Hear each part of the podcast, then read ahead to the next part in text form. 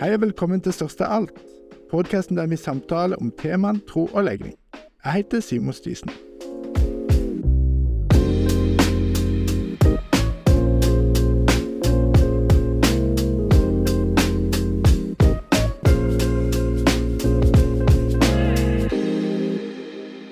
Dagens gjest var en fremadstormende, karismatisk pastor med kone og en voksende forsamling.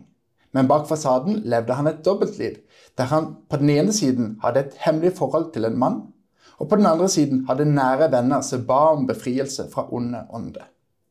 Etter tre år ble alt veldig mørkt.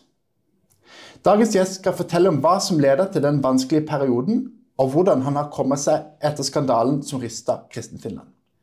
Velkommen til størst av alt, Patrick Tiainen. Ja, det var rätt. Tack. Oi. Bra, bra, god på finsk, skjønner jeg. For alle dere i Norge, nå må jeg prøve meg litt på svorsk. Eh, Därför att det är lite svårt med min norska dialekt. Ja, är det det inte? stämmer, det stämmer. Ja, så det är bättre att jag använder mina egenskaper från bibelskolan. Halleluja. Det Inte tungotal, men svenska. rätt. Näst inpå. Ja, exakt. Så, så, så får det vara. Ja. Men du, vad är det bästa valet du har tagit i ditt liv? Och vad är det dåligaste valet du har tagit i ditt liv? Oj, vilka djupa frågor. Det bästa valet har nog varit att bli sann. Bli känd som jag är. Och det får hörarna tolka själv. Betyder det att bli frälst eller betyder det att komma ut ur skåpet eller båda? Eller bli sann inför Gud, bli känd som man är. Men det att bli sann, 100% och bli känd som man är.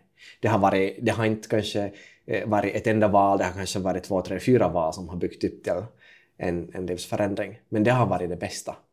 Att man får bli känd som man är. Eh, det svåraste, det sämsta val jag har gjort, så det har nog varit motsatsen. Valet att hemlighålla någonting mycket viktigt, en del av det jag är. Mm. Kan du berätta oss lite om din bakgrunn? Jo, det kan jag göra. Hur är du uppväxt? Jo. Eh, Jag är alltså född 1993 i Karleby på västkusten i Finland. Det är en ganska typisk tvåspråkig familj, så jag pratar finska med pappa och eh, svenska med mamma. Jag har en storebror och en storasyster och eh, när det gäller trosfrågor så var vi en ganska typisk finsk familj. Vi hörde till lutherska kyrkan, men vi besökte kyrkan kring jul, kanske kring påsk, inte mer än så. Eh, så tron fanns där kanske någonstans som ett koncept. Men jag vet att min mormor var för oss alla. Hon, hon var varmt troende och besökte kyrkan varje söndag. uh, i, i väder och oväder. Uh, och hon representerar någonting uh, som var väldigt tryggt och bestående. Och kanske satt någonstans i bakgrunden som en tanke att det finns någonting där i det som hon har hittat som är viktigt. Eh, Men annars så ehm, var kanske barndomen utmanande på det sättet att eh, jag i ett väldigt tidigt skede upplevde att jag kanske är lite annorlunda än någon annan. Vi hade inte så jättemycket pengar, så att när jag började skolan så, så får jag oftast till skolan i, i, i kläder som min bror redan hade använt tio år tidigare, eller som mina kusiner hade använt, och, och, och det var ju inte särskilt coolt. så så eh, jag blev mobbad i, i, i lågstadiet. Um, och var inte kanske heller så där jättemaskulin uh, till det yttre. Du var uppväxt i den här, med den här lutherska sta, statskyrkliga tillknytningen till kyrkan. Jo. Men eh, hur utvecklade det här? Precis. Um, no, det kanske viktigaste, den viktigaste kontakten som, som um, en finsk människa då får med, med, med kyrkan så är ju skriftskolan, så när man är 14-15, den sommaren man fyller 15. Så Det vi på norska kallar för konfirmation. konfirmation, precis. Ja. Ja. Så då i, i Finland så åker vi på, på läger. Först under vinterperioden så, så, så är det träffar där eh, du undervisas i, i, i Gudsordet, i Bibeln och, och, och undervisas om hurdan Gud är och olika principer om kyrkohistoria och så vidare. Och sen åker man iväg på ett läger som är en hel vecka. Och, och där på konfirmationslägret så, så det här, ja eller jag ska säga så här att, att när, när det blev dags att åka iväg så hade jag ingen passion eller något intresse överhuvudtaget. Jag kommer ihåg att jag sa till mamma att, att måste jag åka? Att, att, att ingen kommer att omvända mig. För det liksom, jag hade redan valt evolutionsteori och valt att, äh, ja, förklara världen och, och, och de fenomen jag ser på ett annorlunda sätt. Mm. Och tänkt att, att om Gud faktiskt finns så kan han inte åtminstone vara särskilt intresserad av mitt liv eftersom det såg ut som det såg ut då. Jag var väldigt fylld av ångest, mobbad och hade redan äh, självdestruktiva tankar då vid, vid 14 års ålder.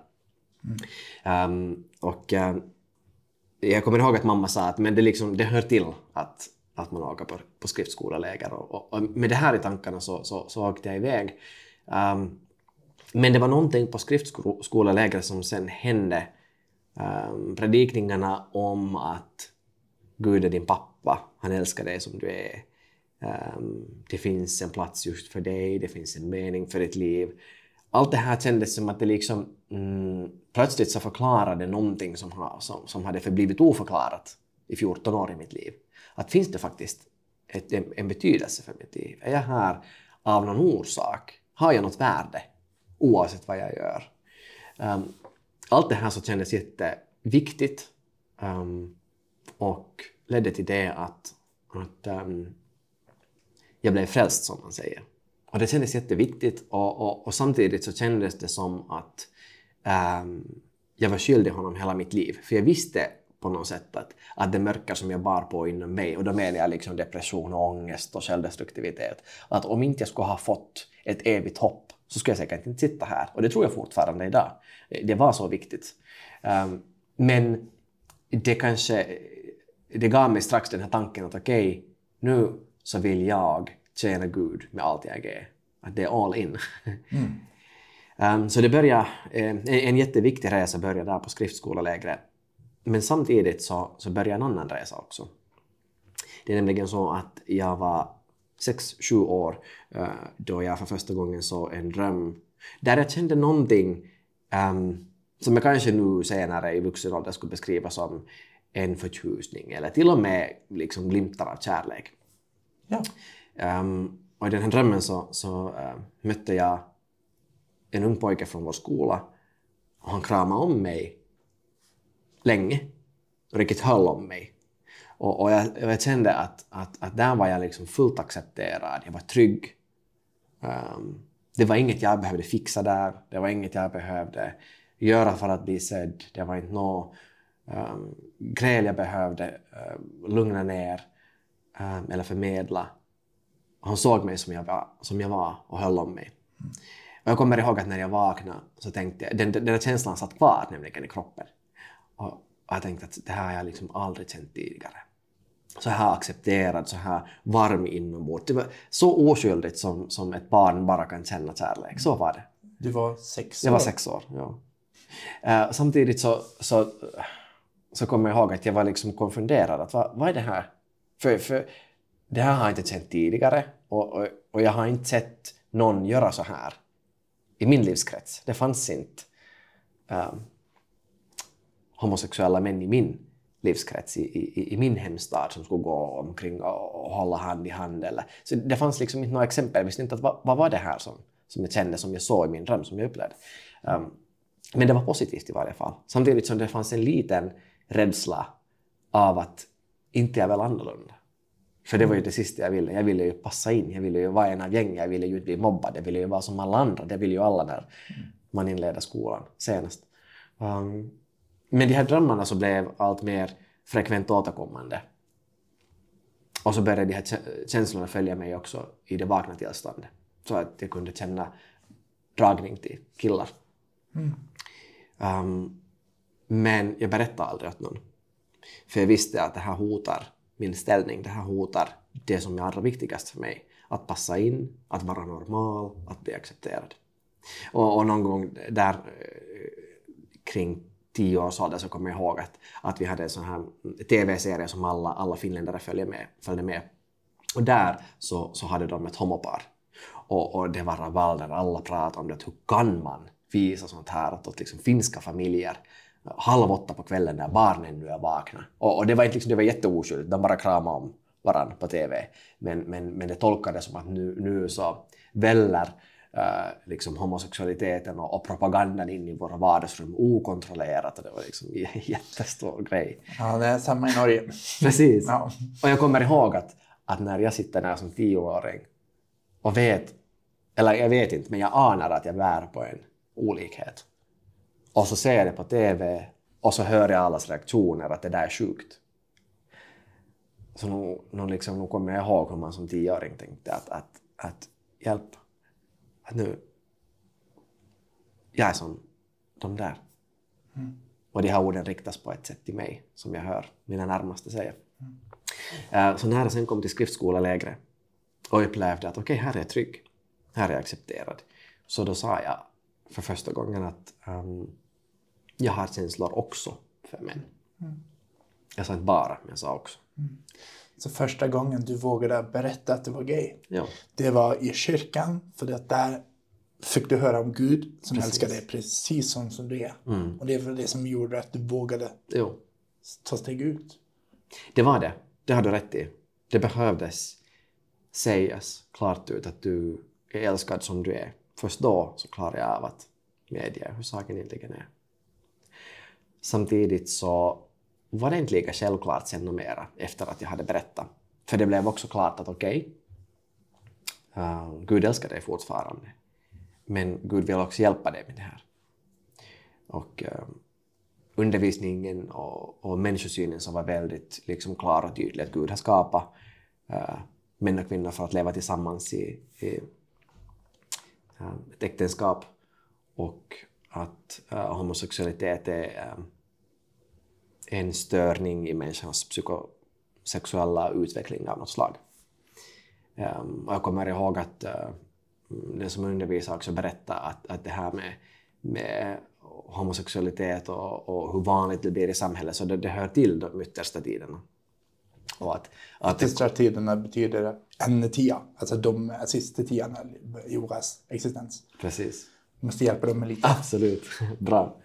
Um, jag kommer ihåg att, att han, han sa att uh, det kommer att växa fram uh, en undervisning som, som säger att det här är Guds vilja att det här är normalt.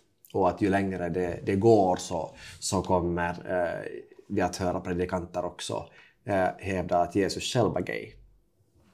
Och, och då kommer jag ihåg att, att jag sitter där och lyssnar på det här och, och har just beslutat att jag vill tjäna Gud med mitt allt. Jag vill ge honom allt. Och så hör jag att hej, jag bär kanske på ett frö av de yttersta tiderna, ändetiderna, inom mig eftersom jag bär på den här olikheten. Så då visste jag att hej, det här vill jag bli av med till vilket pris som helst, kosta vad det vill. Jag ska bli hel, jag ska bli fri. Um, eh, jag kommer ihåg att jag pratade med flera, flera av dem som var um, pastorer eller hjälpledare eller kyrkans representanter på, på det här lägret.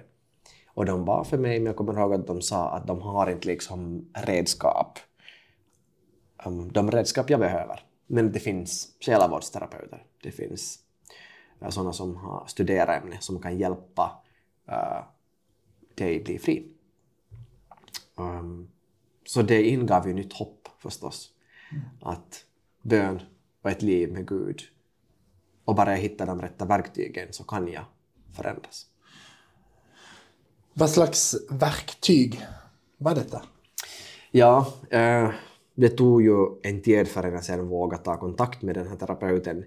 Men mm, det gick ju ut på, i det stora hela, att analysera varför jag inte har kunnat mm, Eh, omfamna min egen maskulinitet. För den här människosynen som de förespråkar så, så hävdar att homosexualitet beror på det att jag som man inte har kunnat omfamna min egen maskulinitet för att jag har blivit rädd för någon, till exempel min pappa eller någon, någon manlig figur i min barndom.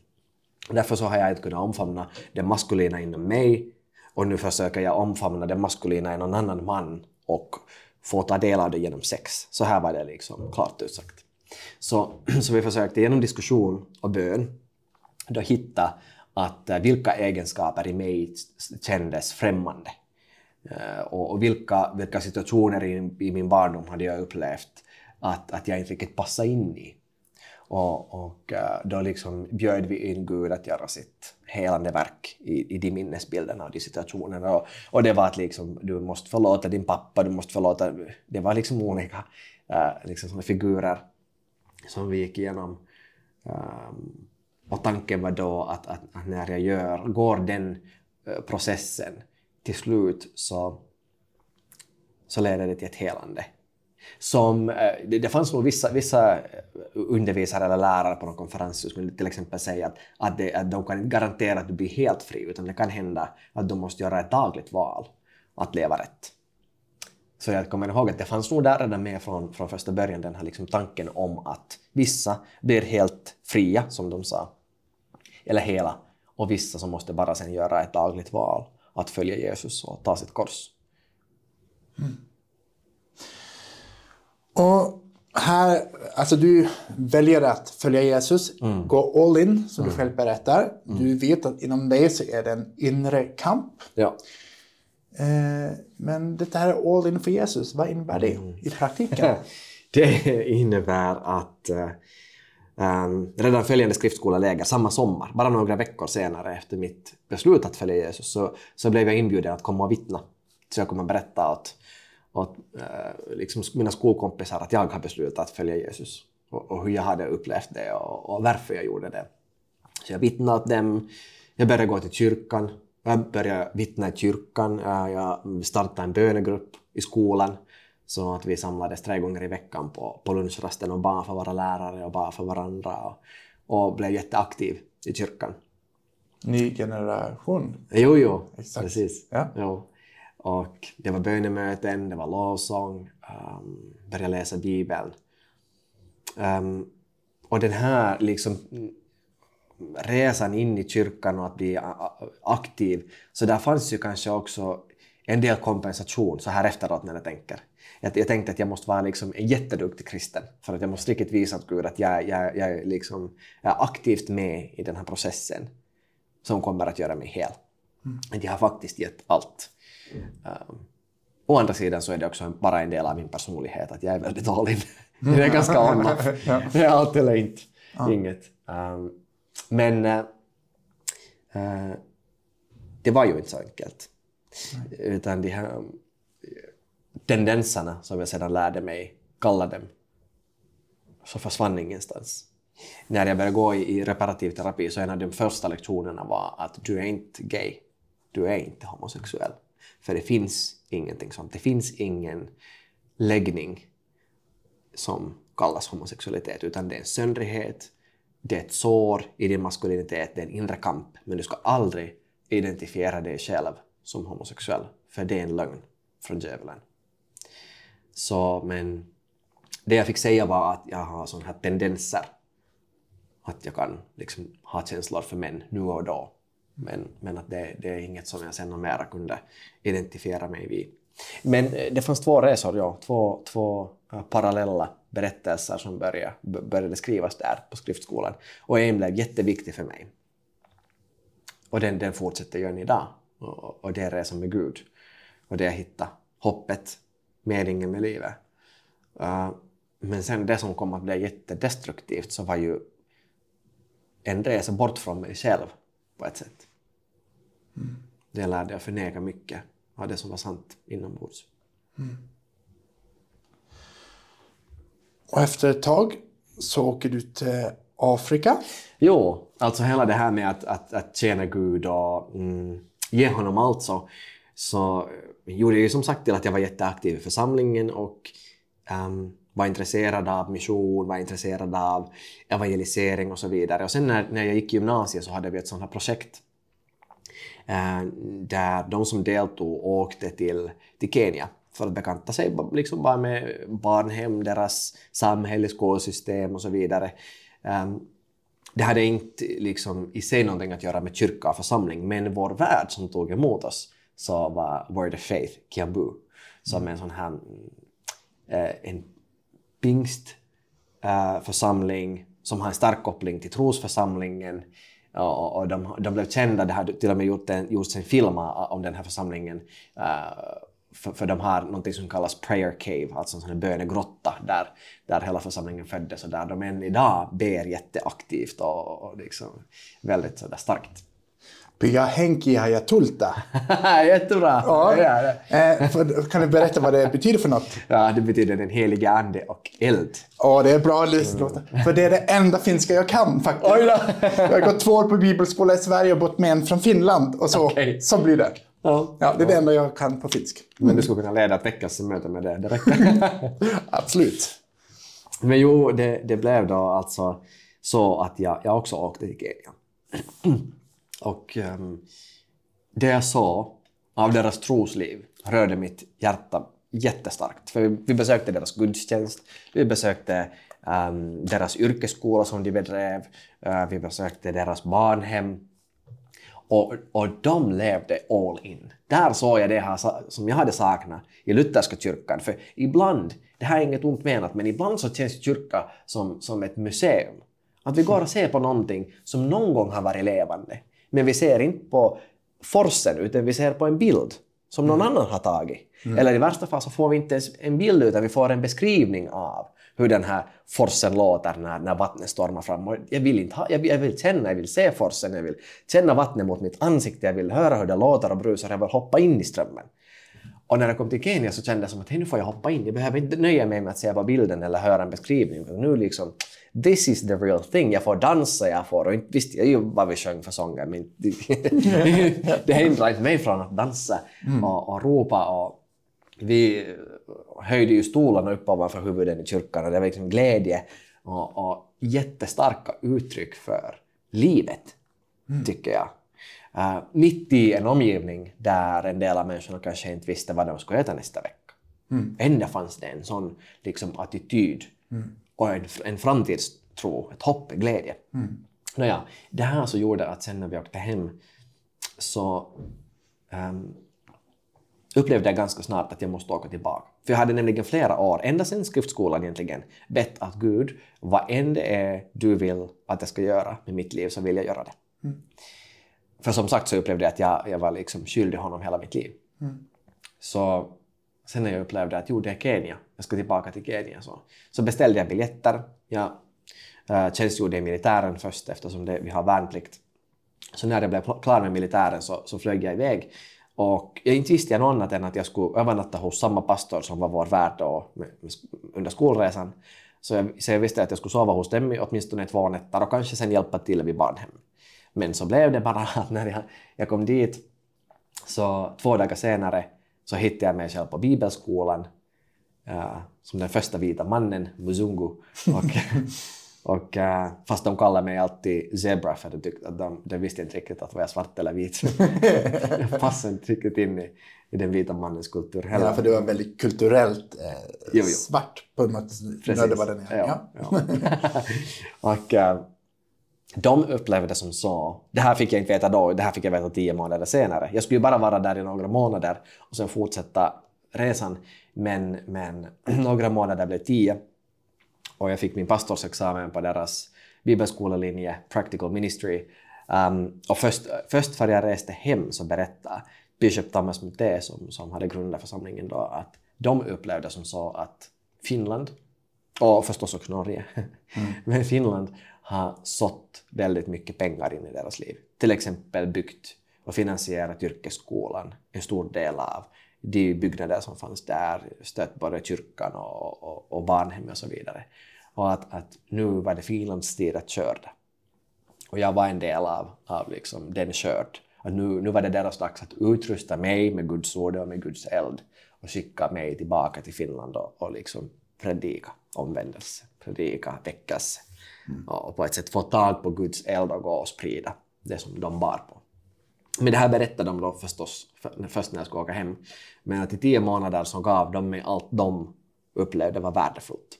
De, jag fick vara som sagt i bibelskolan. Redan första veckan så skickade de iväg mig till eh, en skola för att predika. Plötsligt så står du inför 800 elever som, som liksom är- är jätteintresserade av att höra bara eller det du har att säga bara för att du är vit egentligen säkert. du var första vita gästen som kom. Men de var ju också jättemotiverade för, för det var söndag och där hörde till i den omgivningen att då, då åker man till kyrka. Så, så det, här, det man fick uppleva var att plötsligt så nu, nu fick jag göra det jag hade drömt om. Nu fick jag predika, nu fick jag uh, leda människor till Jesus och se hoppet förändra människors liv. Jag kommer att starta en skola. Jag reste jätteofta till Narok, en sån här ganska mörk stad. Um, mörk menar jag liksom andligt sett, att det var liksom väldigt sådär tufft, en tuff omgivning, jättetorr omgivning. Um, och, och, och, där gillar jag uh, just det tuffa, att möta det som, det som var svårt, det som kändes som riktigt motigt, att få där predika och stödja den lokala församlingen. Men eh, i något skede så började jag uppleva att, att det här är egentligen inte mitt kall, utan det här är ett träningsläger. Ja, träningsläger. Mm. Att jag ska tillbaka till Finland. Att det här är bara träning och, och Finland i matchen.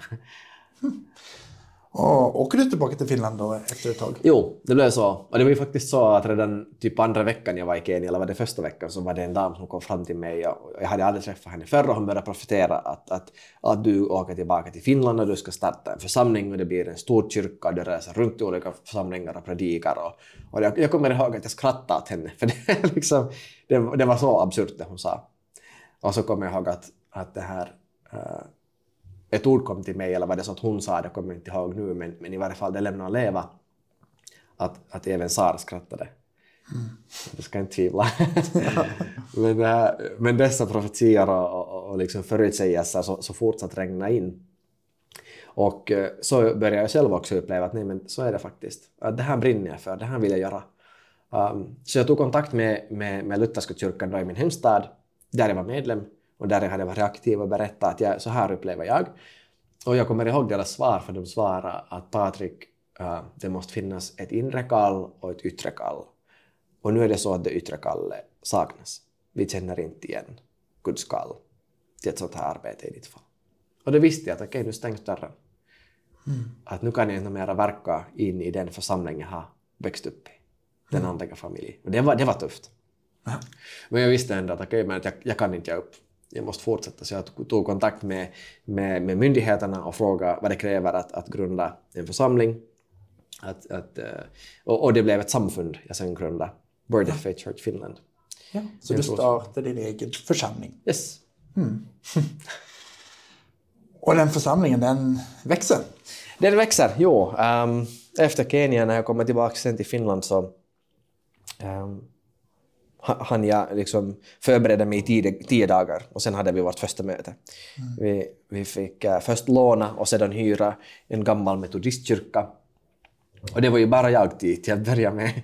Det var att uh, baka muffinsar till kyrkkaffe och städa kyrksalen och förbereda predikan och, och ställa i ordning mikrofonerna och, och allting. Jag kommer ihåg att jag hälsade på dem som kom in till kyrkan och, och det här. Så predikade jag och så sen förbön Um, och det här var en söndag den 11 maj um, ehm, 2014 som samtidigt var min 21-årsdag. Så vi, vi grundade på ett sätt församlingen på min födelsedag. vi hade gudstjänst.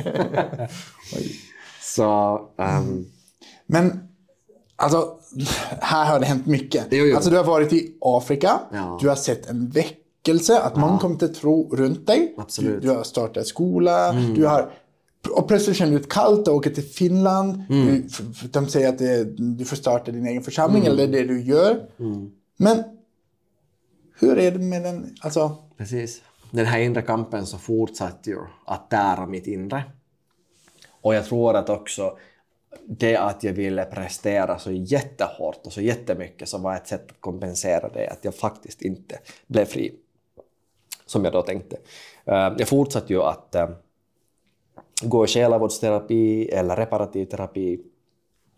Efter Afrika, förrän jag åkte iväg till Finland, så, så arbetade jag en tid i Australien. Den, den står för sig, men, men den tid jag var där så gick jag också en sån här skolning för Living Waters. De hade en sån här lokal grupp i en liten kyrka. Living Waters det är alltså en organisation som hjälper folk som har varit gay mm. att bli heterofila. Precis. Ja. Och eh, jag kommer ihåg att, att första gången när jag gick in där så sa, de, så sa den här ledaren strax att du har ett jättestarkt kall. Att, att det finns ett kall ovanför ditt liv. Men uh, det finns också ett hot. Det finns ett inbyggt hot. Och, och det de här homosexuella tendenserna du måste bli fri. Um, och, och den undervisning som de gav där så gav inget nytt egentligen som jag inte hade hört tidigare. Utan det var mycket förbön, det var terapi, det fanns uh, self-help books som vi skulle läsa. Elizabeth Maubersleys uh, teorier om människans psykosexuella utveckling. och hur det, det, var viktigt att man skulle ha maskulina uh, vänner, manliga vänner, men bara vänner. Ja.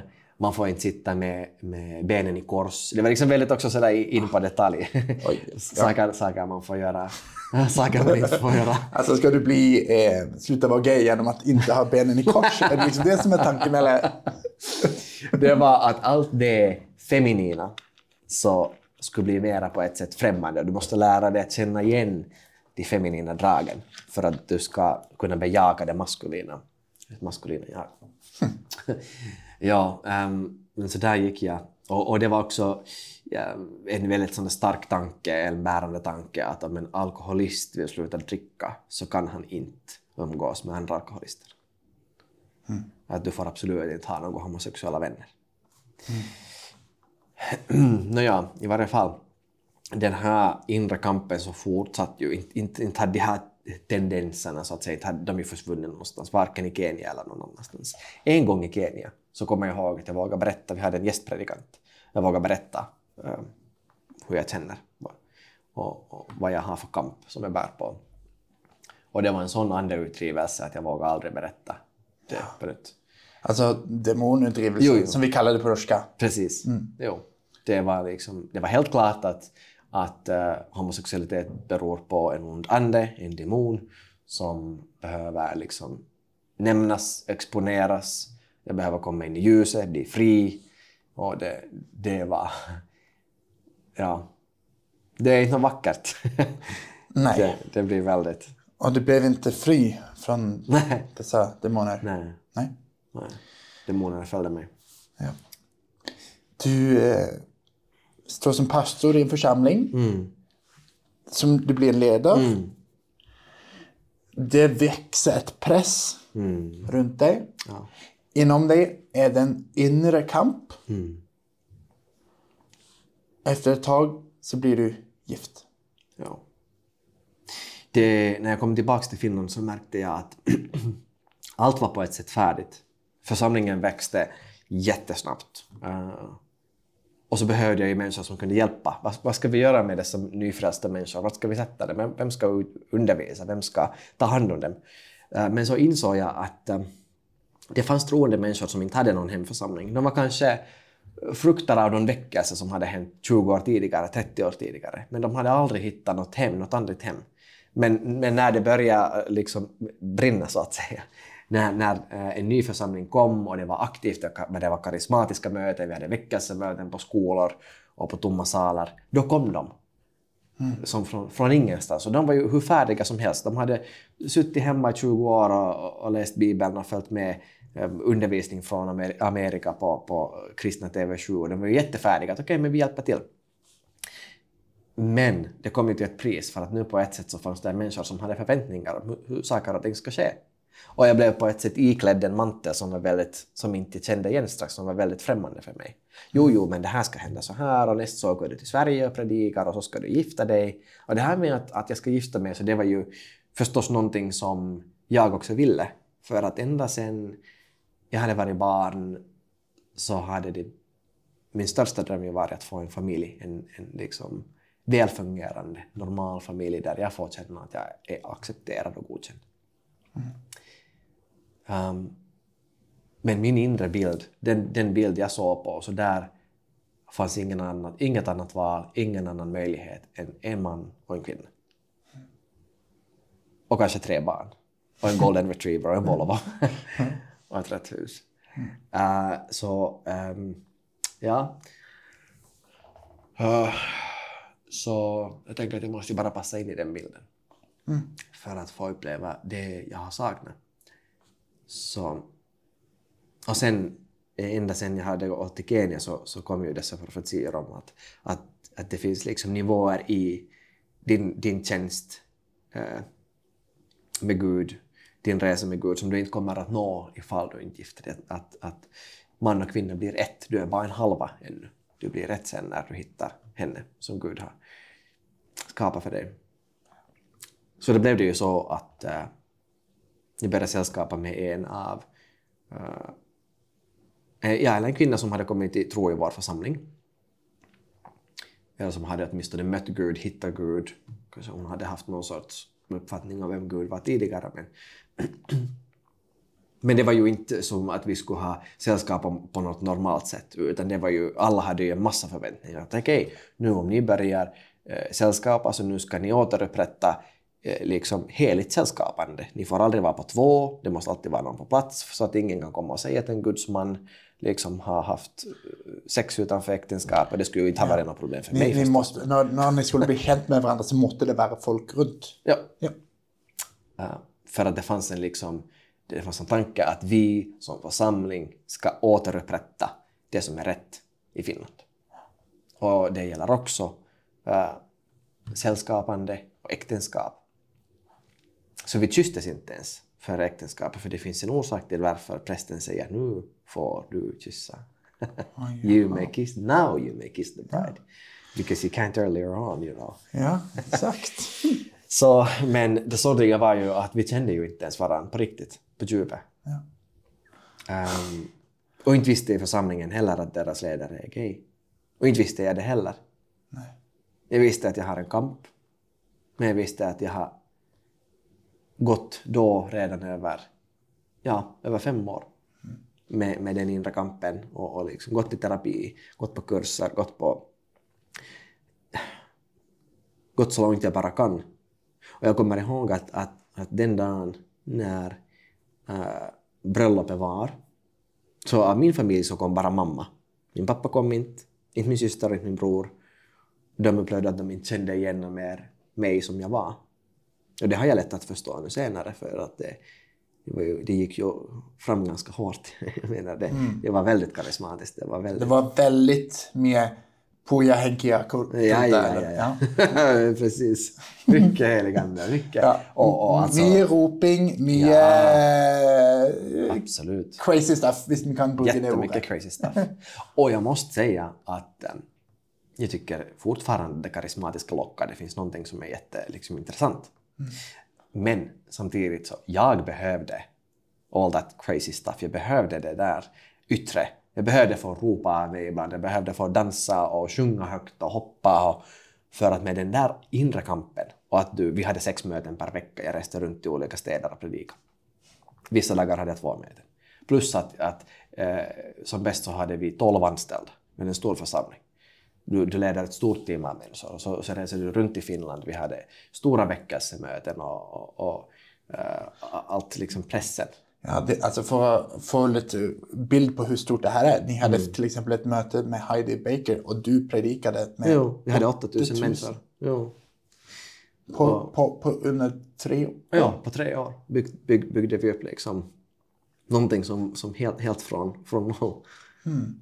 Uh, och att du sen ändå samtidigt inombords bär på den här kampen. Att du liksom en timme tidigare kan vara helt liksom, sönderriven. Och så måste du bara bestämma att nej, men jag kan inte, nu måste jag liksom sätta allt det här åt sidan. För jag vet att nu är där 500 människor på ett veckasmöte. De väntar att få möta Gud. De måste få möta Gud. Där är människor som är cancersjuka.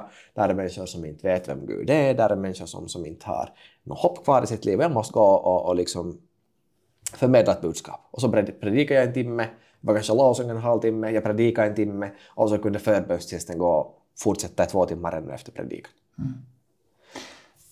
Ett enormt press. Ja, faktiskt. Så därför behövde jag det här yttre, jag behövde få ibland... Det, det var helt enkelt en, en helt väsentlig del, att, att det här karismatiska. Men nu var ju vårt bröllop också som ett veckasemöte. Ja, det kan jag se för mig. Ja. För du valde att gifta dig. Och... Ja, det gifte mig. Men jag kommer ihåg, det ska jag säga, att jag kommer ihåg när jag står inför prästen som kom och viga oss. Jag kommer ihåg att jag sa att Gud, du har tagit mig hit ända. Och nu, måste, nu måste du hjälpa mig. Det här, du måste fixa det här. För det här klarar jag inte själv. Mm. Så i det du står där foran altaret och ser hon som du ska lova evigt troskap till, så ber du Gud om styrka till att klara. Ja. Så är det. Ja. Eh, jag kommer ihåg att jag hade gråtit hela dagen just därför att inte det är lätt att höra av sin egen familj att vi känner inte igen dig mer. Och den du, på ett sätt du har väntat hela ditt liv att, att nu, ska jag få, nu ska jag få min egen familj. Och så kommer din barndomsfamilj dit. Och så vet du i ditt innersta att jag vet inte om jag fixar det här.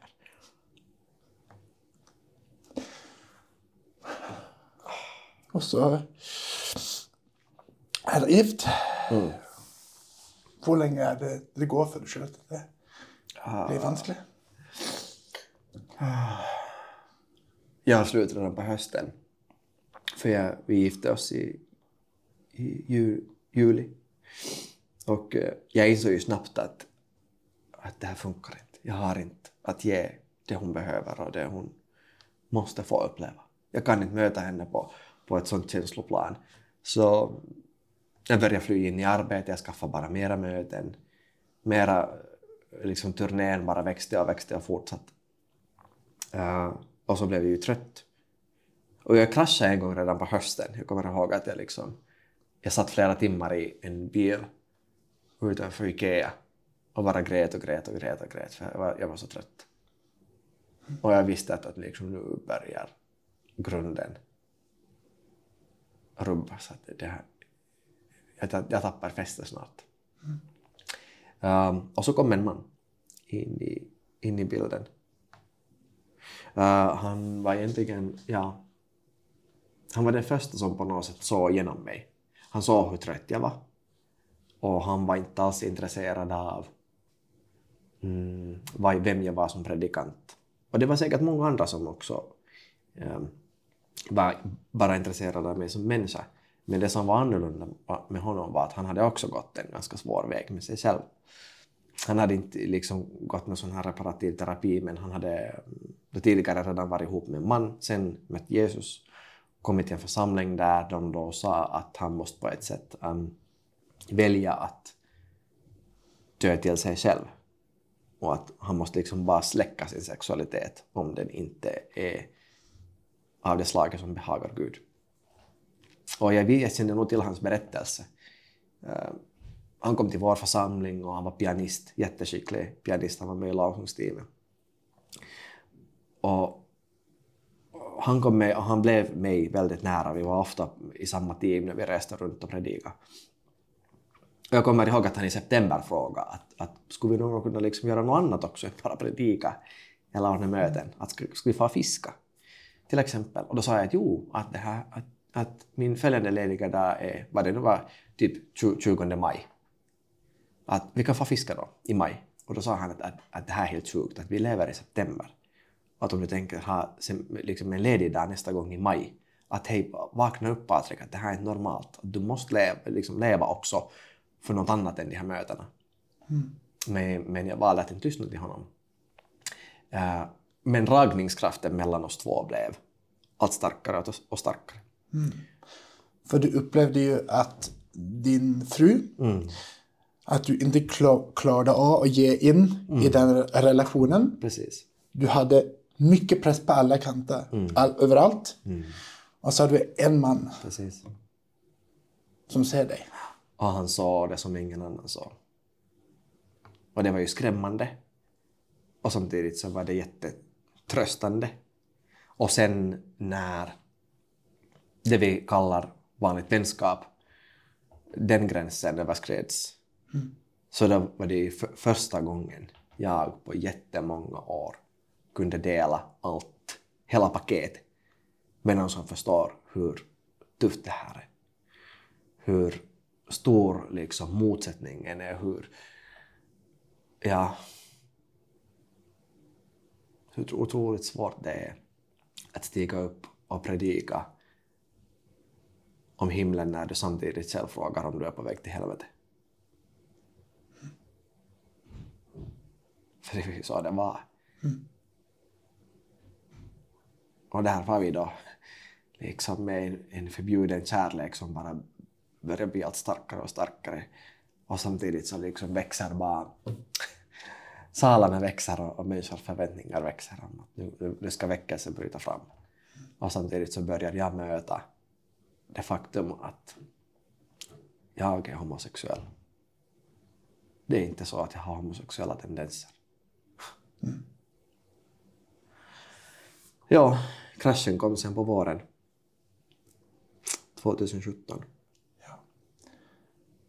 För där var det så att folk fick veta om det här sätt?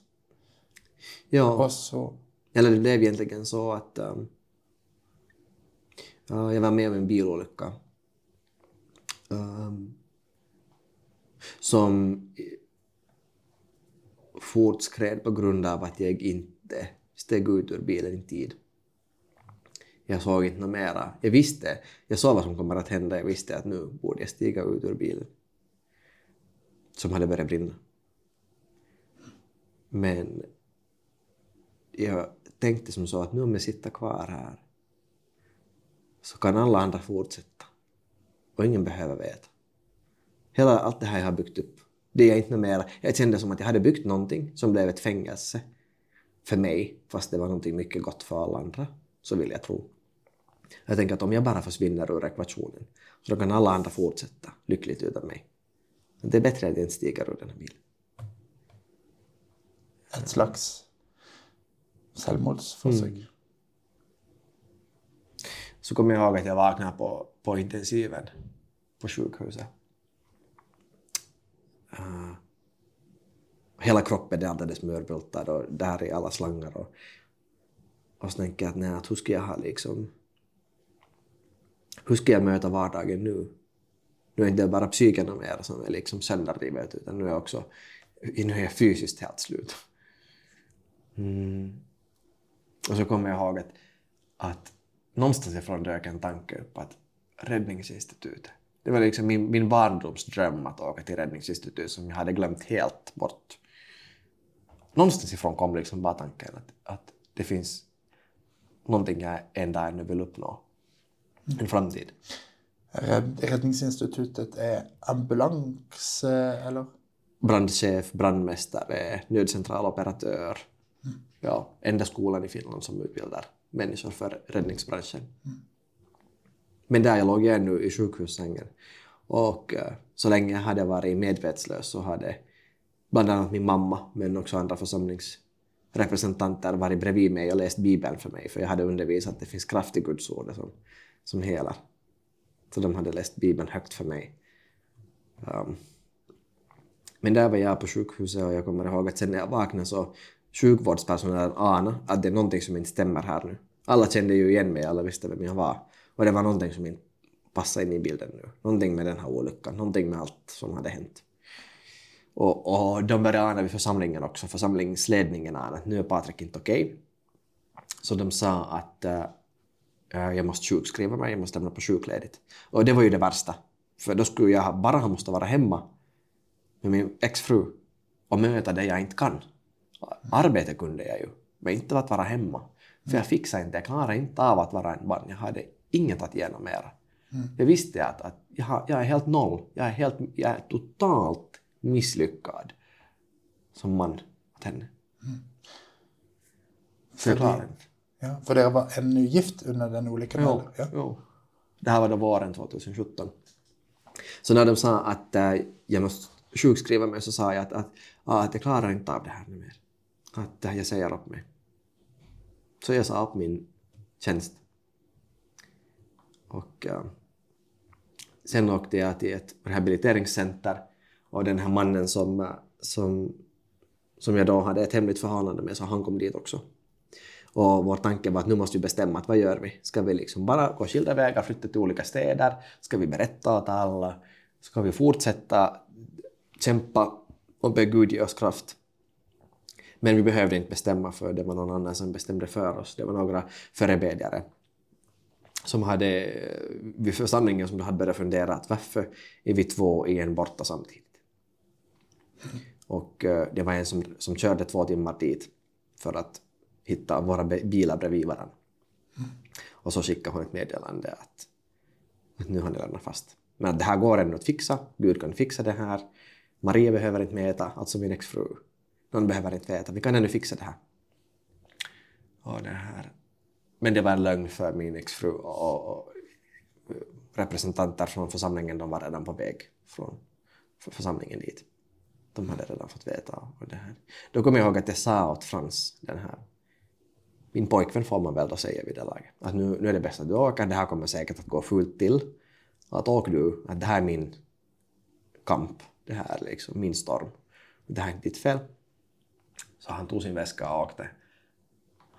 Och så kom min exfru och, och då berättade jag. Jag sa att jag orkar inte mera liksom ljuga. Jag hade ju berättat tidigare, nu visste ju alla, alla såg ju mig läsa de här reparativa böckerna. Jag hade ju berättat att jag har ett sår, jag har tendenser, jag har en kamp, jag har en...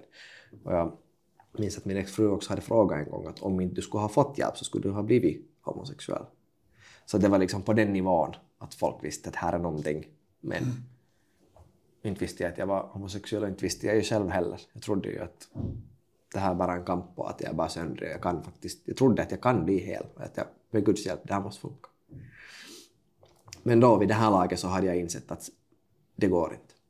Så det berättade jag åt dem att det här är inte någonting som nu har hänt, det här är ingen attack, det här är inte någon ond ande som har gått in i mig. Det här började inte för en vecka sedan. Det här började inte när jag lärde känna Frans, så skyll inte på honom, det är inte hans fel. Utan det här har fortgått sedan jag var sex år. Och jag har försökt mitt allt. Men här är jag. Mm. Jag har fastat, jag har bett, jag har tjänat Gud. Men jag är homosexuell. Och eh, de vägrar tro på det. De sa att det här är en andemakt. Det här är inte den Patrik vi känner. Det här är inte du. Och det här, att vi befriade er Jag sa att ni får göra precis vad ni vill men det finns inget ni kan göra som inte någon skulle ha gjort sen. Men, men vi var länge, vi var där alltså i, i hotellets källare. Och, och liksom vi, de var med ifrån sig med homosexualiteten och Isabels andemakt och liksom olika sådana här gamla termer, mm. olika andemakter. Och, och så kommer jag ihåg att, att det liksom då kom en stund när, när det tolkades som att okej, okay, nu är jag liksom fri eller klar och att nu, nu var det dags att åka hem till mitt och min, min, min exfrus hem och då sa jag att det klarar jag inte av. Att jag är inte färdig att komma hem ännu. Så de körde iväg, men jag såg att en av de här förebilderna som lämnade där kvar på parkeringsplatsen och vakta. Så jag visste att hon, hon väntade att om Frans kommer tillbaka. Så, så jag ringde Frans och berättade vad som hade hänt och att fråga om han kan komma och hämta mig, men jag sa att du får inte komma till den här parkeringsplatsen för då blir du sedd. Och, och det var faktiskt så att, att minnet av den här svarta Mercedes-bilen som vaktar där, den lämnar oss spöka i minne så att ännu ett år efter, så om jag körde bil och så en svart Mercedes komma emot så duckade jag så att inte chauffören såg mig, för det, det lämnar som så... Det är nog en bild av en väldigt osund mm. församlingskultur. Mm. Om man har en kultur där man Precis. övervakar varandra ja. på det sättet. Men jag hade ju inte förberett den för någonting sånt. Jag hade ju inte inte hade jag ju undervisat hur ska man, om er pastor kommer ur skåpet, det här är tre saker ni ska göra då. Så inte hade, de, inte hade de något verktyg. De tog det bästa de hade, de ringde åt sådana som hade varit i tro länge och frågat vad ska man göra. Och de fick råd att det här är en andemakt och den måste drivas ut och Patrik ska tillbaka upp på scen och predika. Det här är en attack mot Guds arbete. Men uh, så jag, jag sprang med mina väskor förbi den här svarta Mercedes ner i ett, ett, ett dike till en bondgård mitt på natten och Frans kom och hämtade mig och vi körde till en stad som inte vi hade någon kontakt med. Bådas telefon ringde hela tiden, alla frågade var vi är. Och vi var på rymmen i tre dagar och inte sov jag någonting. Det var bara ångest, panik och svett och tårar. Mm. Och så till slut så sa jag att nu, nu klarar jag nu, att nu, liksom, nu, nu håller jag tappa, håller på att tappa greppet, att nu måste jag köra mig till sjukhus. Så då körde Frans mig till sjukhuset och jag mötte i samma vårdpersonal förstås som då hade sett mig efter bilolyckan. Så de räknade ju ihop ett plus ett. Och då sa jag där vid, vid jouren att hej, jag är Patrik. Och så sa hon att jo, nu vet jag vem du är. Så jag sa okej, okay, att jag är samfundsledare. Jag är gift, men jag är homosexuell. Jag har inte sovit på tre dygn. Nu behöver jag hjälp. Så då tog in mig på sjukhuset. Frans åkte hem församlingsmedlemmar tvingade sig in i hans lägenhet och sökte mig i alla skåp, rotade igenom lägenheten och trodde att jag är gömd någonstans. Och äh, alla försökte liksom rädda situationen så att säga. Tänk att vi kan ändå fortsätta som om ingenting ska ha hänt. Men... Alltså, alltså, jag måste ju bara också få kommentera att en sak är ju det att du har byggt upp ett press, eller bygg, byggt upp ett press runt dig på ett sätt. Samtidigt ser du ju väldigt mycket kontroll av de människorna runt som ska liksom... Förstår du vad jag menar? Och det var just de människor, och det var det som jag kom att liksom inse sen senare, att de människor som på ett sätt var färdiga kristna, som, som jag så tackar Gud för, att, att, att tänka att ni, var, ni fanns någonstans och ni bara kom sen när församlingen startade så ni kunde hjälpa till. Så de, de hade alla sina förutfattade meningar och de hade sin, sin egen församlingskultur, gudsbild, som också gav svar sen när jag hamnade i min kris. Alla hade en tanke om hur det här ska skötas. Församlingsledningen konsulterar ju också sedan ledande karismatiska pastorer, frikyrkopastorer i Finland. Att vad ska vi göra? Och lösningen var att, eller tolkningen var ju den att via Frans, som då hade tidigare levt med man, så har en homosexuell andemakt gått in i mig. Och äh, att jag måste befrias. Och att man absolut inte får träffa mig ensam för att den här andemakten är väldigt stark. Det är bäst att det alltid finns någon förebedjare där bredvid. Um, och jag erbjöds ju, eller jag och min exfru erbjöds en möjlighet att resa iväg till USA. Vi ska ha fått vara där på en, ett rehabcenter. Och, och jag skulle ha måste liksom då ingå en sån här pastoral rehabiliteringsprocess där vi skulle ha satsat på vårt äktenskap och jag skulle ha satsat på inre helande. Och allt skulle förstås ha betalats och någon skulle ha tagit hand om församlingen under tiden och sen skulle vi ha kommit tillbaka hem och fortsätta vårt arbete för att vinna Finland för Jesus. Jag kommer ihåg att jag sa att, att för Marias skull så kan jag åka. Men det kan jag inte lova att jag kommer tillbaka som heterosexuell. Mm. Att jag har nu i åtta år, då nästan nio, varit on-off med i själavårdsterapi, rehabiliterings eller, ja, eller äh, restaurativa processer av olika slag. Uh, reparativ terapi. Tänk om jag får tro och hopp om att det fungerar och det funkar i tre år till. Tänk om det finns barn i bilden då och jag kraschar igen. Mm. Och det tolkades som att jag valde mörkret. Mm. Så det var det slut. Där blev du utstött, eller? Ja, det var värre för Frans. För han var ju ett medel för mörkret, bara ett verktyg. Och, som och orsaken? Orsaken är att det blev så? Jag vet inte. Jag har aldrig fått någon förklaring. Men, men jag, jag märkte det helt klart att, att mig skulle Gud ändå ha kunnat rädda, men det var värre med Frans. Det var bara så. Jag vet inte varför. För att människor försökte fortfarande nå ut till mig, att vi kan be, vi kan, vi kan hjälpa dig. Men ändå det här valet att inte åka till USA då, eller att lova att, att jag, jag mm, liksom kommer att följa någon restaurativ process, så, så var ändå satt punkten på mycket. Att det stängde vissa dörrar för gott. Mm. Så att eh, då, jag kommer ihåg den känslan när jag körde till kyrkan för sista gången mitt i natten, för jag, kunde, jag hade försökt fara dit en gång dagtid för att hämta liksom mina personliga grejer, men det gick inte. Med alla människor jag mötte. Så det kändes ju konstigt att, att köra dit mitt i natten i mörkret som en tjuv och liksom röra vid, vid, vid alla stolar. Jag kommer ihåg hur, hur det, vi hade öppningsmöte då vi flyttade in i den där lokalen som vi hade renoverat från en industrihall. Vi hade bett för varje stol att den som sitter nere i den här stolen ska få uppleva Guds godhet och Guds nåd, få hitta meningen med livet. Och där när man går och rör vid de här stolarna, att ja, där är ett hål i väggen. Jag är ganska noga med, med renovering och sånt, men, men då renoverar vi bland annat en vägg med, med barnen från söndagsskolan. Och det blev inte, det blev inte kanske helt perfekt, men, men man såg deras verk. Mm. Jag kommer ihåg att jag rörde vid, vid det där hålet och tänkte att ja, att hej då. Att det här har vi byggt upp. Det här har jag fått vara grunda helt från noll. Och nu är det dags att liksom säga farväl. Att det som jag upplevde att var mitt livsverk på ett sätt. Och samtidigt så insåg jag att jag hade lovat att det här ska inte bli min församling. Mm. Det här ska vara Guds församling. Det här ska vara vår allas gemensamma. Men nu hade det blivit jättekärt för mig förstås. Så du lämnar pastorskallet? Ja. Och det är kanske inte så konstigt att man... Alltså det var... Det var väl kanske bra för dig att lämna för, alltså, Ja. och gå vidare på något sätt Ja. med allt det som du var stuck i med, Ja. i församlingen. Eh, Jo, och jag upplever se- senare, tänker jag så här att, ähm, att det krävdes en total krasch. För att jag hade varit så länge redan i sådana terapiformer som inte baserar sig på sanning. Att det behövdes, det, det, jag hade vuxit så snett att det behövdes en krasch som bröt sönder det som var snett så att det kunde växa fram någonting som är genuint, som är sant, som är, som är friskt.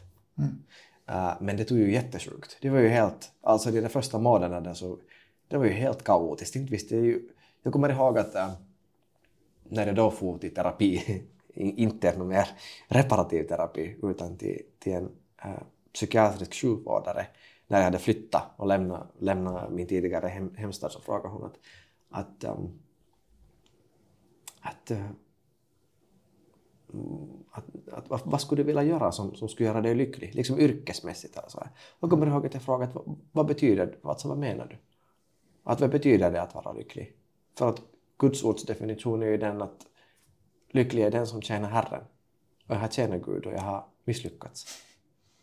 Att, kan jag någon mer någonsin vara lycklig? Får jag någon mer någon, som, någon, någon gång vara med i en församling? Får jag uppleva Guds närhet? Får jag lovsjunga? Får jag vara med i den gemenskap som jag upplever att är mest min egen?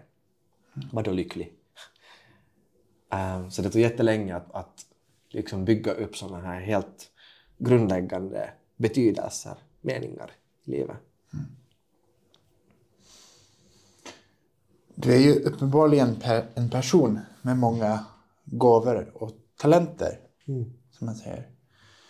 Eh, drömmer du om att bli pastor igen i framtiden? Nå, jag måste säga att nog stundvis så gör jag ju det. Ehm, jag vet inte om mitt psyke skulle klara av det mera.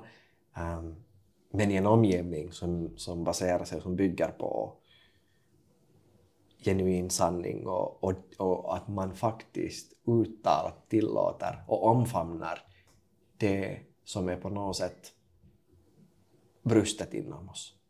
Att det finns utrymme för brustenhet. Det som är ödelagt betyder på något sätt. Precis. Så varför inte? För jag märker nu arbetar jag på nödcentralen. Jag har studerat till terapeut vid sidan om. Och jag är med i frivilliga brandkåren. Och det krävs en massa olika delar i min vardag för att jag ska uppnå ens en del av det, vad det var att vara pastor. För det var så mångsidigt. Det var så rikt. Det var så min egen grej. Jag var så lycklig i det jag gjorde. Så nog saknar jag ju det. Det att undgå. För du har ingen församling som du går till och har inte gjort det på många år. Nej. Nu är du ensam. Jo. Jag besöker församlingar ibland men det är lite som, jag gör det som en tjuv. För i Finland så har inte här diskussionerna så är, har inte gått vidare på en tid utan eh, de stampar på stället gällande homosexuella troende nej, vi är en grupp som är väldigt osynlig. Eh, det här är en svår fråga. Och de svar som jag får så är väldigt konstgjort. Du får komma, du är välkommen, men till exempel då när jag sen började sällskapa med Frans så började vi ju gå i en pingstförsamling. Och vi var välkomna, båda två, till och med tillsammans. Eh, jag fick tolka, ehm, så att jag simultantolkade till, till, till invandrare. Och sen när jag reserverade um, kyrkkaffe åt oss, och att jag hade bakat och vi, vi, vi tjänade tillsammans i köket, så det var för mycket. Två homosexuella i köket var för mycket som, på en gång. så länge liksom, du tjänar på ett ställe som inte någon ser och du inte gör det tillsammans med någon, då är det okej. Men sen om det blir ett, ett synligt ställe, då tog någon ett, ett, ett foto, en bild och skickade till, till de rådgivande äldste inom församlings, eh, pingstförsamlingen i Finland. Och då, där gick gränsen att längre än så får du inte komma. Så i, i princip i nuläget så jag välkomnas nog, inte som medlem, eller som medlem om jag binder mig till att inte ingå något förhållande med en man. Och om jag skulle vilja tjäna i församlingen så då finns det en process jag måste gå på grund av att jag har varit pastor och eh, inte levt upp till min undervisning. Så det jag har nu gjort är att jag går in lite som en tjuv, jag går in på något möte efter att det här börjar. När inte någon ser så stick förrän det slutar. För jag orkar inte ha de här diskussionerna. För ingen annan som kommer in så utfrågas kring deras privatliv. Och jag upplever att jag, det inte, jag går inte dit för att ha de diskussionerna mera. Jag orkar med det i några år men nu känns det som att jag får dit för att möta någonting annat. Men jag hoppas att en dag kunna vara helt en vanlig medlem. Det skulle räcka. Jag tänker det borde vara hjär- hjärtinställningen till alla. Det hade rätt i. Ja. Ja. Hur har din resa ändrat din tro? Jättemycket. Eh, Jag kommer ihåg att eh, när jag sen då hamnade jag på sjukhus andra gången eh, så, så sov jag i, alltså typ 18 timmar, de gav någon sömnmedicin. Jag vaknade ju bara till någon stund och gick på toa och gick och la mig igen för att jag var helt, helt utmattad. Sen första dagen jag var lite klar i huvudet så, så hittade jag en bibel på sjukhuset. Jag kommer ihåg att jag stod i, i, i den här sjukhussalen med äh, den stora gamla bibeln i min hand med vårsolen mot ansiktet genom fönstret och frågade liksom Gud att får jag någonsin mer? Har jag rätt? Det var frågan. Har jag rätt att läsa ditt ord? Och då upplevde jag att om det är någonting jag kan vara helt säker på så är det det att ingenting av det här var en överraskning hos Gud. Att, om, att teologin kan vara utmanande att utbena så att den är helt liksom klar. Men om det är någonting jag vet så det är nog det. Att inte var nu Gud åtminstone förvånad. Utan han har känt mig hela tiden. Och det var på ett sätt startskottet för någonting nytt. Sen äh, ett år senare så sitter jag hos en terapeut och hon frågar att Patrik, vad var hotat? Det tror jag. Ja, vad var hotat så att döden blev ett alternativ? Och jag kommer ihåg att jag tänkte att ja, men min sociala ställning, nej, det hade ju mistat när jag blev en karismatisk predikant som hoppar omkring och, och gick liksom fundera på olika och tänkte att nej, att det som var hotat så det var ju himlen. Men sen när det liksom kunde börja lita på att ah, oavsett vad jag gör så bär Guds löfte. Och jag får lita på att hans nåd räcker. Så det är inte något mera hotat. Då behöver inte jag vara så driven i mitt liv. Inte heller i mitt kristna liv. Så nu är det jättemycket som har ändrat. Och kanske den största för- förändringen är just den att jag inte ens behöver ha alla frågor. Jag behöver inte ha allting uttänkt. Det är inte, resultatet är inte fast på att jag har lösningen. Utan att någon annan har. Sen just det att det finns utrymme för det brustna. Och det brustna får vara brustet och det finns en välsignelse också i det. Ja. Ja. Väldigt god tanke. Eh, Är det något speciellt du tänker det hade varit bra om vi talade om nu på slutet? Mm. Men förstås, ju mer tiden går, åren har gått, och det som på ett sätt blir klart för mig är att den grupp jag allra mest vill nå ut till, så är dem som på ett sätt lever i ovissheten. Pastorerna som lyssnar till det här och församlingsmedlemmarna som lyssnar till det här och som inte har en personlig kamp, så har ett helt annat utgångsläge. För de har mycket mera resurser i, sin, i sitt liv att ehm, um, luta mot när de försöker ta reda på vad de ska tro och tycka och tänka. Men till de som kanske lyssnar, som har den här samma inre kampen, så jag vet att det finns inte lika mycket resurser. En helt stor del av de resurser vi har tillgång till så går helt åt till att bara överleva. Och till dem så, så vill jag nå ut till att livet är inte hotat. Himlen är inte hotad. Det finns hopp. Mm.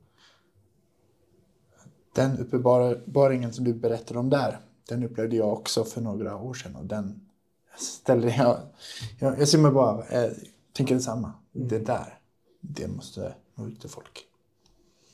Jo, och så hoppas jag att diskussionerna i, församlingen, i församlingarna i Kristi kropp och i samhället kan gå vidare på det sättet att vi inte behöver ha sådana här konstgjorda lösningar. Att du kanske får komma och du får nog komma. Och alla är välkomna.